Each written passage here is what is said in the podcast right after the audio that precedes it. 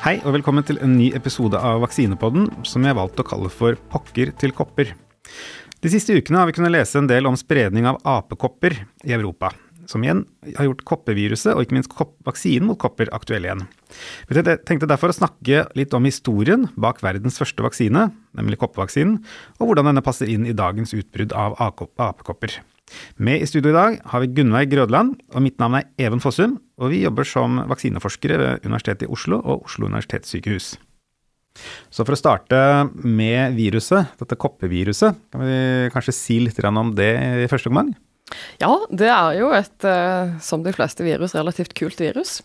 Det er et eh, DNA-virus, eh, som betyr at arvematerialet foreligger som DNA, som er det samme som vi har. Det kalles et ortopox-virus. Det er eh, familien det tilhører. Eh, og til denne familien så hører det flere forskjellige koppervirus, inkludert eh, kukopper og apekopper og vel kopper, variola og litt sånn forskjellig. Man bruker disse ape- og kukopper basert på hvilket dyr man først tok og isolerte, karakteriserte viruset fra, sånn at det er litt sånn tilfeldig hvilke dyr det har uh, sitt opphav fra. Mm. Apekopper ble først funnet i aper på 70-tallet, og derfor så het det apekopper. Det var på en lab, så det var ikke supernaturlig. Mm. Men uh, ja, det er jo mm. en relativt stor familie, kan vi vel si. Det er veldig mange forskjellige sånne koppevirus, som man sier. Og, de, og de, de, som kanskje er nærest beslektet, er jo de som du var inne på nå. Altså der du har da kukopper og eh, apekopper. Variola, som da er dette koppeviruset som smitter mennesker, finnes i to varianter. Variola minor og major, mm.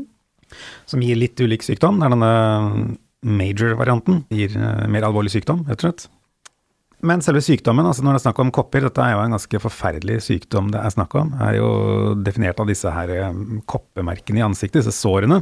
Mm. Men var det Utover det, var det for noe mer som Altså, hva vet du om egentlig sykdommen? Ja, altså de gir litt forskjellig sykdom, disse forskjellige virusene. Men det som er felles uh, kjennemerke for de alle sammen, er nettopp disse her koppene, som jo ser uh, fryktelig kjipe ut når man ser på bilder. Men hvis vi starter med kopper, da, som var en uh, Du kan kalle det en svøpe over verden. Tilbake til Ramses den femte, vet man faktisk hadde kopper. Det fant man arret av på mumien hans. Så kopper har vært med mennesker lenge. Vi har tall fra 1600-1700-tallet, og der vet vi at eh, det døde rundt 400 000 eh, hvert år i Europa av kopper. Befolkningen var på det tidspunktet langt mindre enn den er i dag, sånn at dette var, ganske, dette var noe folk kjente eh, personlig på kroppen. Mm. Og når du ble smittet, så lå dødeligheten sånn rundt 30% og hvis du var så heldig at du var blant de som overlevde, så var det rundt en tredjedel som ble blinde. Og i alle tilfeller så var du eh, Satt du igjen med veldig skjemmende arr, mm. Eh, rett og slett. Og det man vel òg eh, bør si, er at dødeligheten på 30 er for befolkningen generelt, men for små barn så er dødeligheten opp mot 90 med mm. kopper. Dette her er altså en av de mer forferdelige sykdommene som vi har hatt med oss opp gjennom historien. Ja ja, dette var jo noe eh, folk var livredd for. Tenkte vi skulle kalle, eller nå alltid å kalle episoden vår 'Pokker til kopper'. Og grunnen til det er jo også litt sånn fascinerende. Pokker-begrepet kommer jo rett og slett eh, fra pox, som er da engelsk for kopper.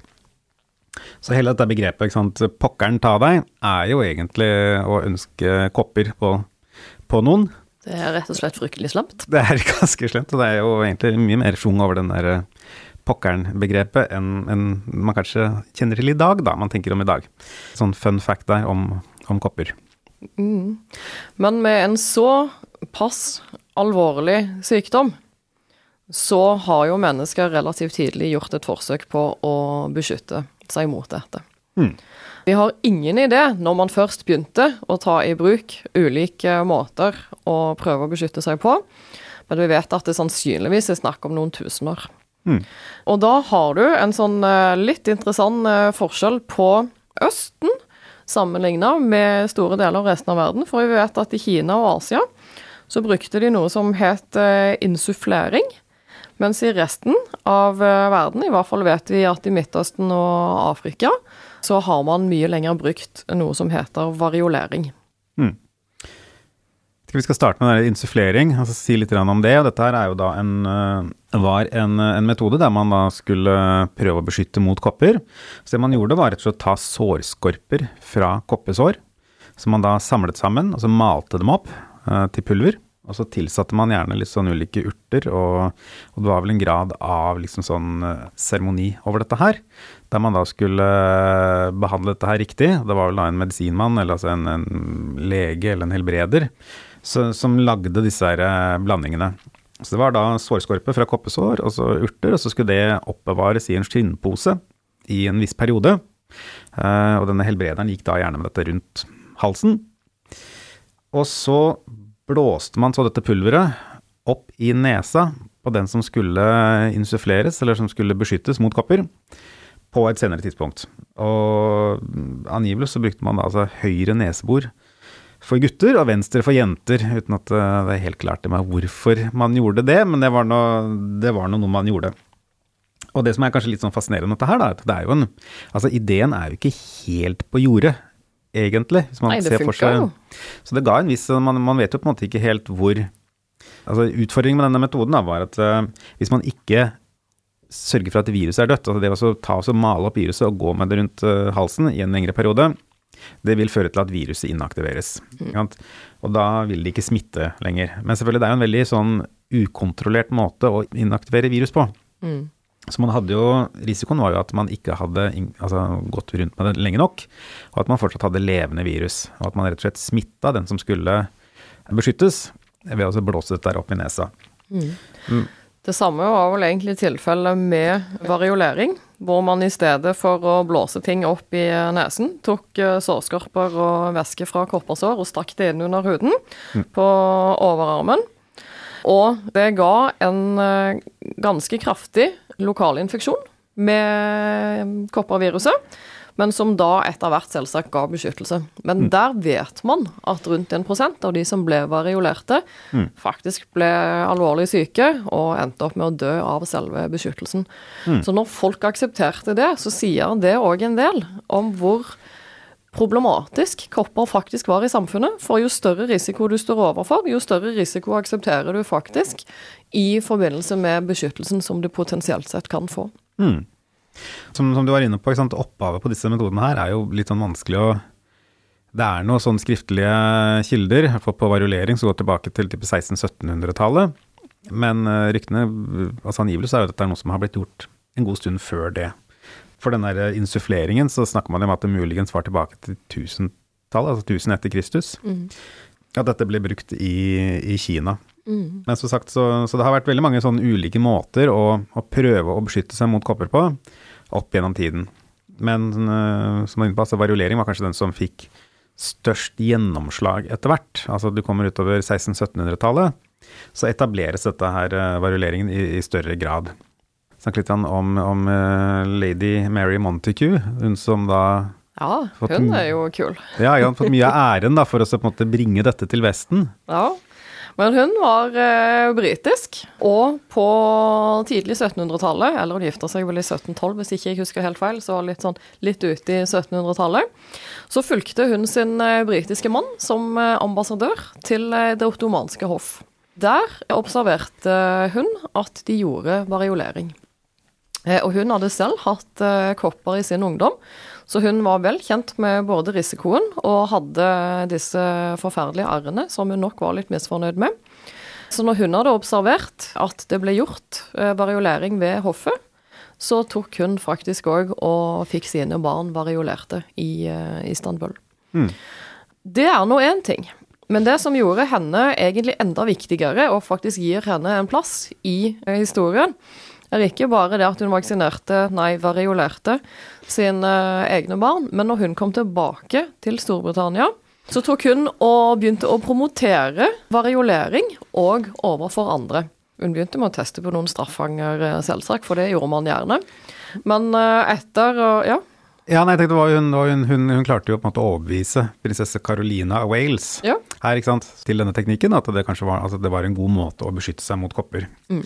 Og det var jo da prinsesse Caroline da, som først forsikret seg ved å ta en var det sju eller åtte død, dødsdømte fanger, som da med å la seg variolere, som være forsøksdyr. Og når, når, hun da hadde, prinsesse Caroline da hadde fått testet den der varioleringen på disse straffangene, og vist at det faktisk fungerte, de overlevde, så gikk hun da videre med å variolere sine to døtre. Ja, det sier jo en del. Når du får variolert kongefamilien, så sprer dette seg i aristokratiet i eh, Storbritannia. Og derfra så er det jo veldig eh, mye lettere at det sprer seg til resten av befolkningen og resten av Europa òg. Mm. Så der fikk du på en måte satt presedens med en gang. Det er litt sånn da, da som nå, at sånn, når de kongelige gjør det, så, så er de kan gå foran som trendsettere. Så da blir disse metodene mer populære også i samfunnet. La oss håpe ikke det gjelder for alt. Nok om det. Det som eh, kanskje vi skal videre på, er eh, faktisk vaksinering. Fordi vaksinering er jo ganske forskjellig fra variolering. Mm. Men i likhet med variolering så vet vi heller ikke egentlig helt når man begynte å bruke vaksinering mot kopper. Men eh, vi definerer da vaksine som kopper når du bruker kukopper for å beskytte mot eh, en mer farlig variant, som da kopper faktisk var. Mm. Det er kjent at kukopper det ga eh, relativt milde blemmer, primært på hender og armer hos eh, budeier som ble smitta fra kyr, eh, og at de senere var beskyttet mot den faktiske kopper. Mm. Så det har de visst veldig, veldig lenge. Men den som er kalt vaksinens far, er jo Edward Jenner. Det han gjorde, var slett ikke å finne opp denne måten å beskytte på, men han tok og var den første som systematiserte effekten av å bruke kukopper vitenskapelig. Han testa. Mm. Og der er det, som du er inne på, altså han, han, Edward Jenner har kanskje litt feilaktig fått en uh, veldig stor del av æren da, når det kommer til det å finne ut at man kunne bruke kukopper for å beskytte mot, uh, mot kopper. For som sagt, altså, dette her var i stor grad kjent i samfunnet før han begynte med sine forsøk. Men som du sier, han, han systematiserte det og gjorde en sånn grundig studie, og offentliggjorde denne. Og det som er litt sånn fascinerende, hvis man sånn ser nærmere på den, den artikkelen, er jo at han, jo, han, han, beskriver en rekke sånne tilfeller. De første 13 tilfellene av den artikkelen hans noe, er jo egentlig bare sånn bekreftende historier som går på det at eh, personer som har hatt kopper, eller altså hatt eh, kukopper, eh, jobbet på gård, enten er det snakk om bønder eller er det mm, budeier eller altså gårdshjelpere, som da på et eller annet tidspunkt har blitt smitta med kopper, gjerne hatt det på, på hånda, og som senere da skal varioleres. Så da skal de på en måte få dette her eh, koppeviruset, faktisk koppeviruset, i, i armen og som da i liten grad responderer på varioleringen. Så de har da en immunitet mot den der varioleringen, og derfor ikke responderer. Og det er på en måte den, der, den etablerte, det er det han observerer da gjennom, eh, eller forklarer, en rekke tilfeller der, der folk tidligere har hatt kukopper, og som så responderer dårlig på selve varioleringen. Og det, det bidrar til den, der, den ideen om at kukopper beskytter mot kopper. Og Så går han da videre og så gjør disse faktiske forsøkene, der han da tar rett og slett kukoppevæske fra ei budeie som heter Sarah Nelms, og som han da sprøyter inn, altså inokulerer, da åtte år gamle James Phipps. Og dette skjer da 14. mai 1796. Så da, da gjør han det første på måte, forsøket på det vi i dag kaller vaksinering. Mm. Og han, James Phipps han, han, får da en sånn mild, mild sykdomstilfelle. Får litt feber, litt uvel, får litt sår, litt sånn øm på armen. Men kommer seg ganske raskt igjen. Og så prøver han da, ca. fem uker senere, 1. juli, så prøver han da, altså Edward Jenner prøver da altså å variolere James Phipps. Så da får han James Phipps koppemateriale, altså variola-virus, i huden og viser ingen tegn på sykdom. Så han responderer ikke på det i det hele tatt, som tyder på at han da er immun. Så dette er på en måte det første, i hvert fall dok dokumenterte forsøket på den type ja. ja, det er det jo. Men da må man samtidig si at den første som beskrev at han gjorde det, mm. det er så vidt eh, jeg kjenner til Benjamin Justy, som er en eh, bonde, eller var en bonde, i eh, Storbritannia og som så at i eh, nærmeste landsby så var det eh, kopperutbrudd. Og det var han jo litt bekymra for, for han hadde familie. Så han tok og ga de kukopper. Mm. Fordi han eh, hadde selvsagt eh, hørt eh, common knowledge, at eh, det beskytter. Eh, og ifølge hans dagbok så var hans familie beskytta. Og vi regner med at det er mange som har gjort det samme. Men Edvard Jenner systematiserte det og faktisk dokumenterte effekten. Og det sier jo litt om eh, viktigheten av å faktisk gjøre studier vitenskapelig, tenker jeg, når du skal se på effekt av noe, kunne dokumentere det. For det var arbeidet til Edvard Jenner som gjorde at dette ble noe som bredde seg ut i samfunnet og ble vanlig å gjøre. Og som derfor hadde potensial for å beskytte befolkningen. Mm. Nei, ikke sant? Så disse, disse forsøkene ble jo gjennomført eh, i 1796. Mm. Det var da han Edward Jenner gjorde disse vaksinasjonsforsøkene, og etter, etter at han da hadde Altså, det første, første personen var da James Phipps. Men så ble det også testet da på, på en rekke andre barn, i hovedsak, uh, i ulike aldre, som, uh, med samme effekt, egentlig. Og i 1798 var det vel at han Edward Jenner da faktisk publiserte denne observasjonene sine. Han hadde vel først, som, som mange andre sånne tilfeller av banebrytende forskning, så hadde han sendt det til Royal Society i London for å få det offentliggjort der, men de hadde ikke vært så interessert i det. De hadde ment at det ikke var interessant nok, og sendte det tilbake. Så da valgte han da også å publisere det selv, så han hadde på en måte trykt opp et hefte, lagd sin egen sånn lille artikkel, som han da faktisk solgte. Sånn der, eh, rundt omkring, og det, den hadde visst eh, Ja. Det var mange som hadde fått interesse for dette her. Ja, og han brukte også ganske mye tid selv faktisk òg på å reise rundt og promotere funnene sine overfor politikere og overfor eh, personer med myndighet i samfunnet, nettopp for å få det implementert. Mm. Så han gjorde òg mye av eh, kommunikasjonsarbeidet, Ikke sant? rett og slett. Til å være såpass lenge siden, da. Så fra disse ble, dette resultatene ble offentliggjort i 1798, så allerede i 1810 så blir jo koppevaksinering obligatorisk i Norge. Så det viser jo litt hvor fort dette her har spredd seg utover i Europa, og denne, denne metoden har, liksom, har slått an. Så det syns jeg er egentlig, til å være på den tiden, utrolig raskt.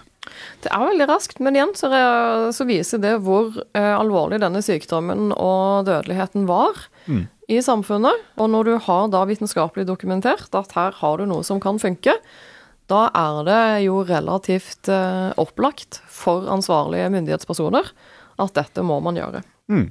Så det vi vet er at eh, pga. dette så ble det redusert kopperutbrudd i eh, Europa utover 1900-tallet. Men det var fortsatt ganske mye kopper rundt i verden på midten av eh, 1900-tallet. Det var jo en sykdom som var med oss lenge. Så begynte man vel etter hvert da å skjønne at det her var det mulig å faktisk utrydde kopper med en litt mer sånn eh, intensiv vaksinasjonskampanje.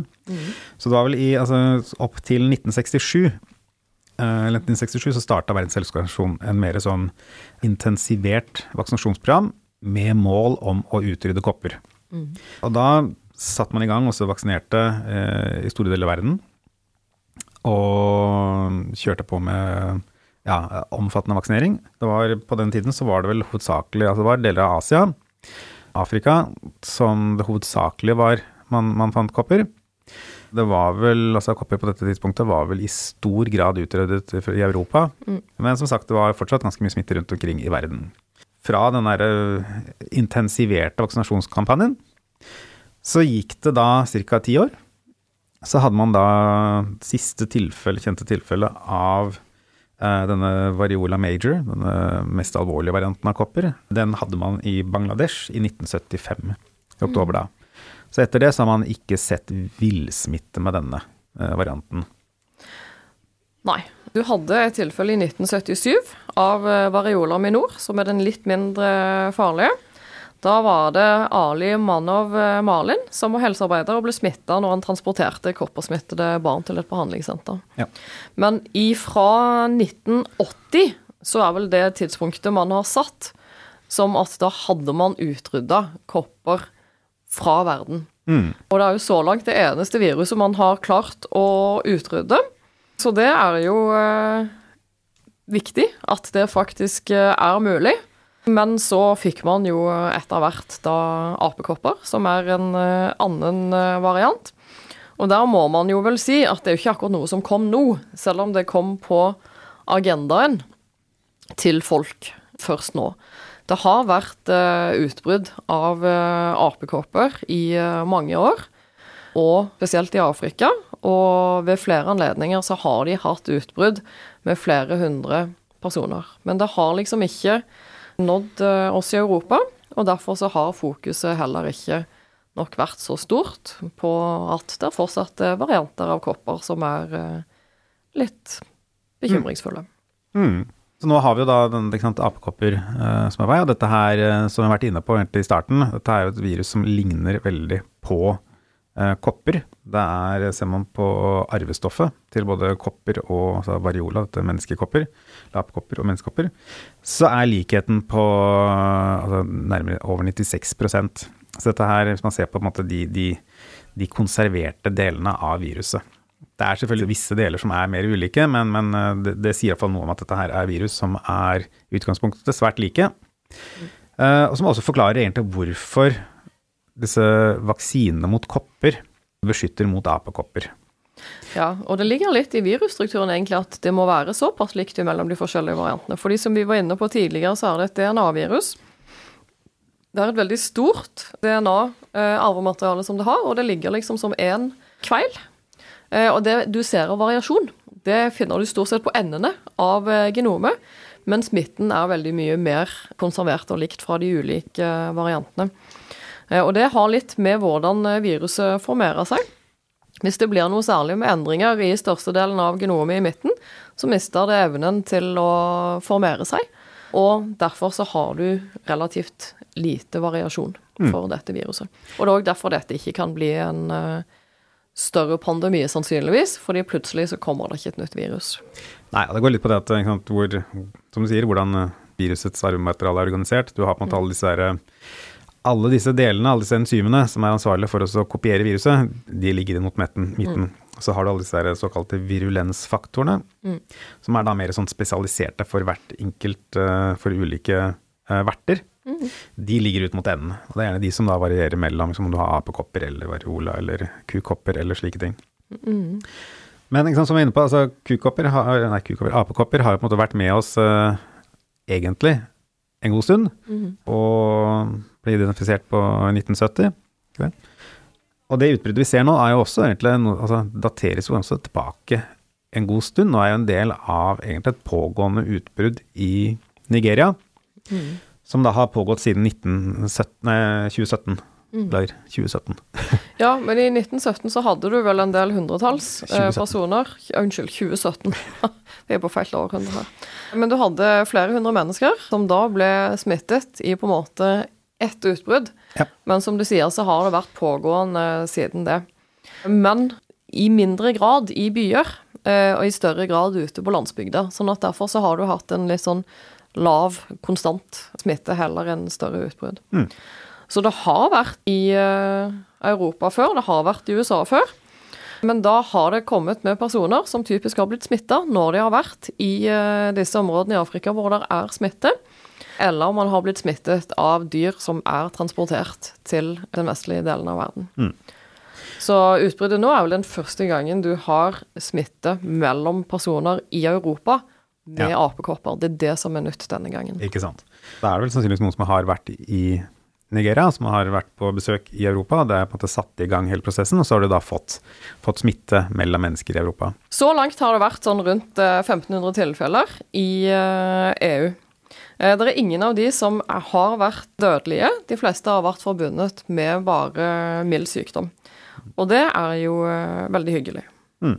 I tillegg da, som, som til de tilfellene som nå har liksom, spredd seg i Europa, eller det som har spredt seg utenfor Afrika, så er det jo, en, en, er det jo i overkant av 1500 tilfeller som da i hvert fall er mistenkt i Afrika, i afrikanske land, der dette her er mer endemisk. Mm. Og der er det jo også rapportert uh, tror jeg, 72 dødsfall som følge, der man mener at dette er som følge av apekopper. Så mens i hvert fall tilfellene her i Europa da, har vært uh, forholdsvis milde, så er jo dette en sykdom som kan gi alvorlig sykdom. Det er jo også litt av grunnen til at det faktisk slås opp i den grad som det gjør, da, at, man, at WHO er såpass obs på denne sykdommen. Ja, det er veldig viktig å følge med. Eh, og nå har man sett i Europa at det er veldig mye menn som har sex med menn, som blir smitta, og noen har lurt på om det har en eh, sammenheng med dette viruset. Og det har det ikke. Dette viruset smitter med hudkontakt eller med kontakt med klær og sengetøy og lignende fra personer som er blitt smitta.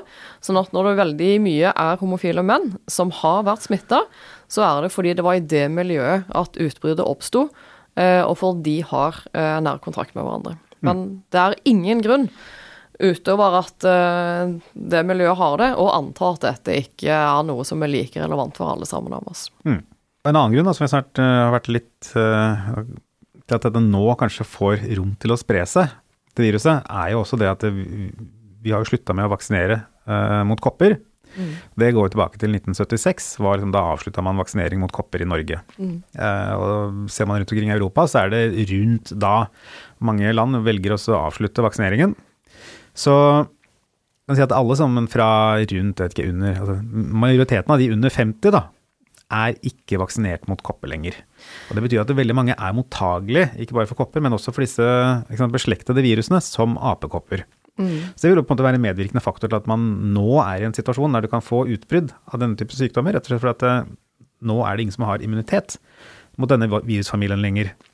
Men det impliserer òg en litt viktig ting, syns jeg. Fordi det man vet etter eh, vaksinering, de som er vaksinerte, de vil ha nøytraliserende antistoffer til stede i sera i eh, en del tiår.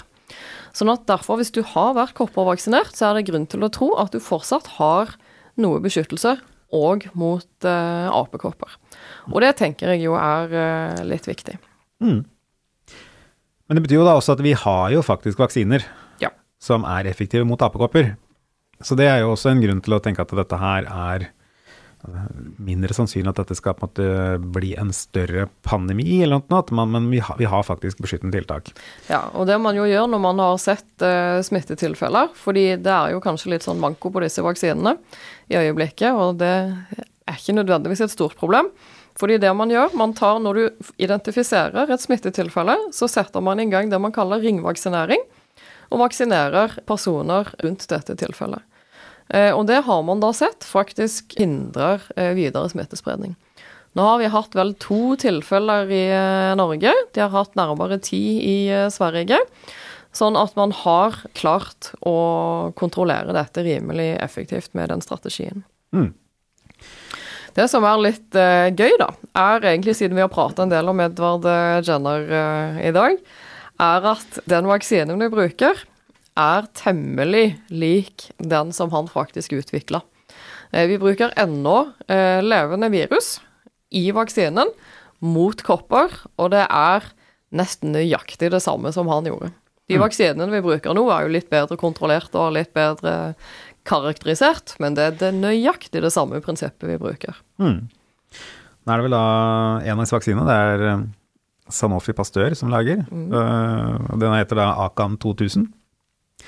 Den, altså den gis jo litt annerledes enn sånn typiske, typiske vaksiner, i den grad at man bruker en sånn altså gaffel med, med, to pigger.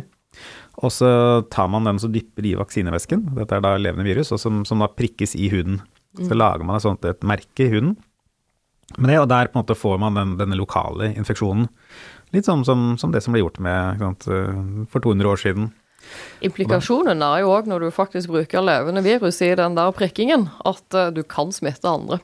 Ja. Sånn at med den vaksinemåten der, så er det veldig viktig å drive og dekke til uh, dette prikkstedet, skal vi kalle det det. Ja. Og ellers uh, faktisk unngå nærkontakt med personer i risikogruppen. Og det er en del krav til dusjing og klesvask og lignende når du har tatt vaksinen. Mm, for dette her blir jo det, et lite sår, sånn koppesår, der, der vaksinen er satt så vil immunforsvaret selvfølgelig hamle opp med dette viruset. Eh, men så sitter man igjen med sånt arr, og de, spesielt de som da vel er over 50 år, er jo gjerne godt kjent med dette her, at man har sånn arm på armen etter koppevaksineringen. Mm. Men så har det jo kommet nyere oppdaterte varianter av koppevaksine etter hvert også. Der har vi bl.a. et sånt eh, Det er samme virusvarianten, dette vaksin, Vaksinia Vaksinia-viruset. ja, er ja, Vaksinia-viruset som, som de bruker, eh, men som da er eh, replikasjonsinkompetens. Da rett og slett man har tatt og endret på arvestoffet til viruset, slik at det, det fortsatt kan smitte celler, men det kan ikke lage nye viruspartikler. Så du får ikke denne aktive infeksjonen, selv om du får immunitet. Men da, det kreves da to injeksjoner. Fordelen med det er at det også kan f.eks. gis til personer med nedsatt immunforsvar. For det er jo noe med altså Den faktiske koppevaksinen den kan ikke gis til personer med nedsatt immunforsvar, fordi det er fortsatt et levende virus. Det som er litt eh, Nå har vi nettopp gått gjennom SARS-CoV-2, hvor vi så at uh, mRNA-vaksiner var uh, en veldig viktig del av løsningen.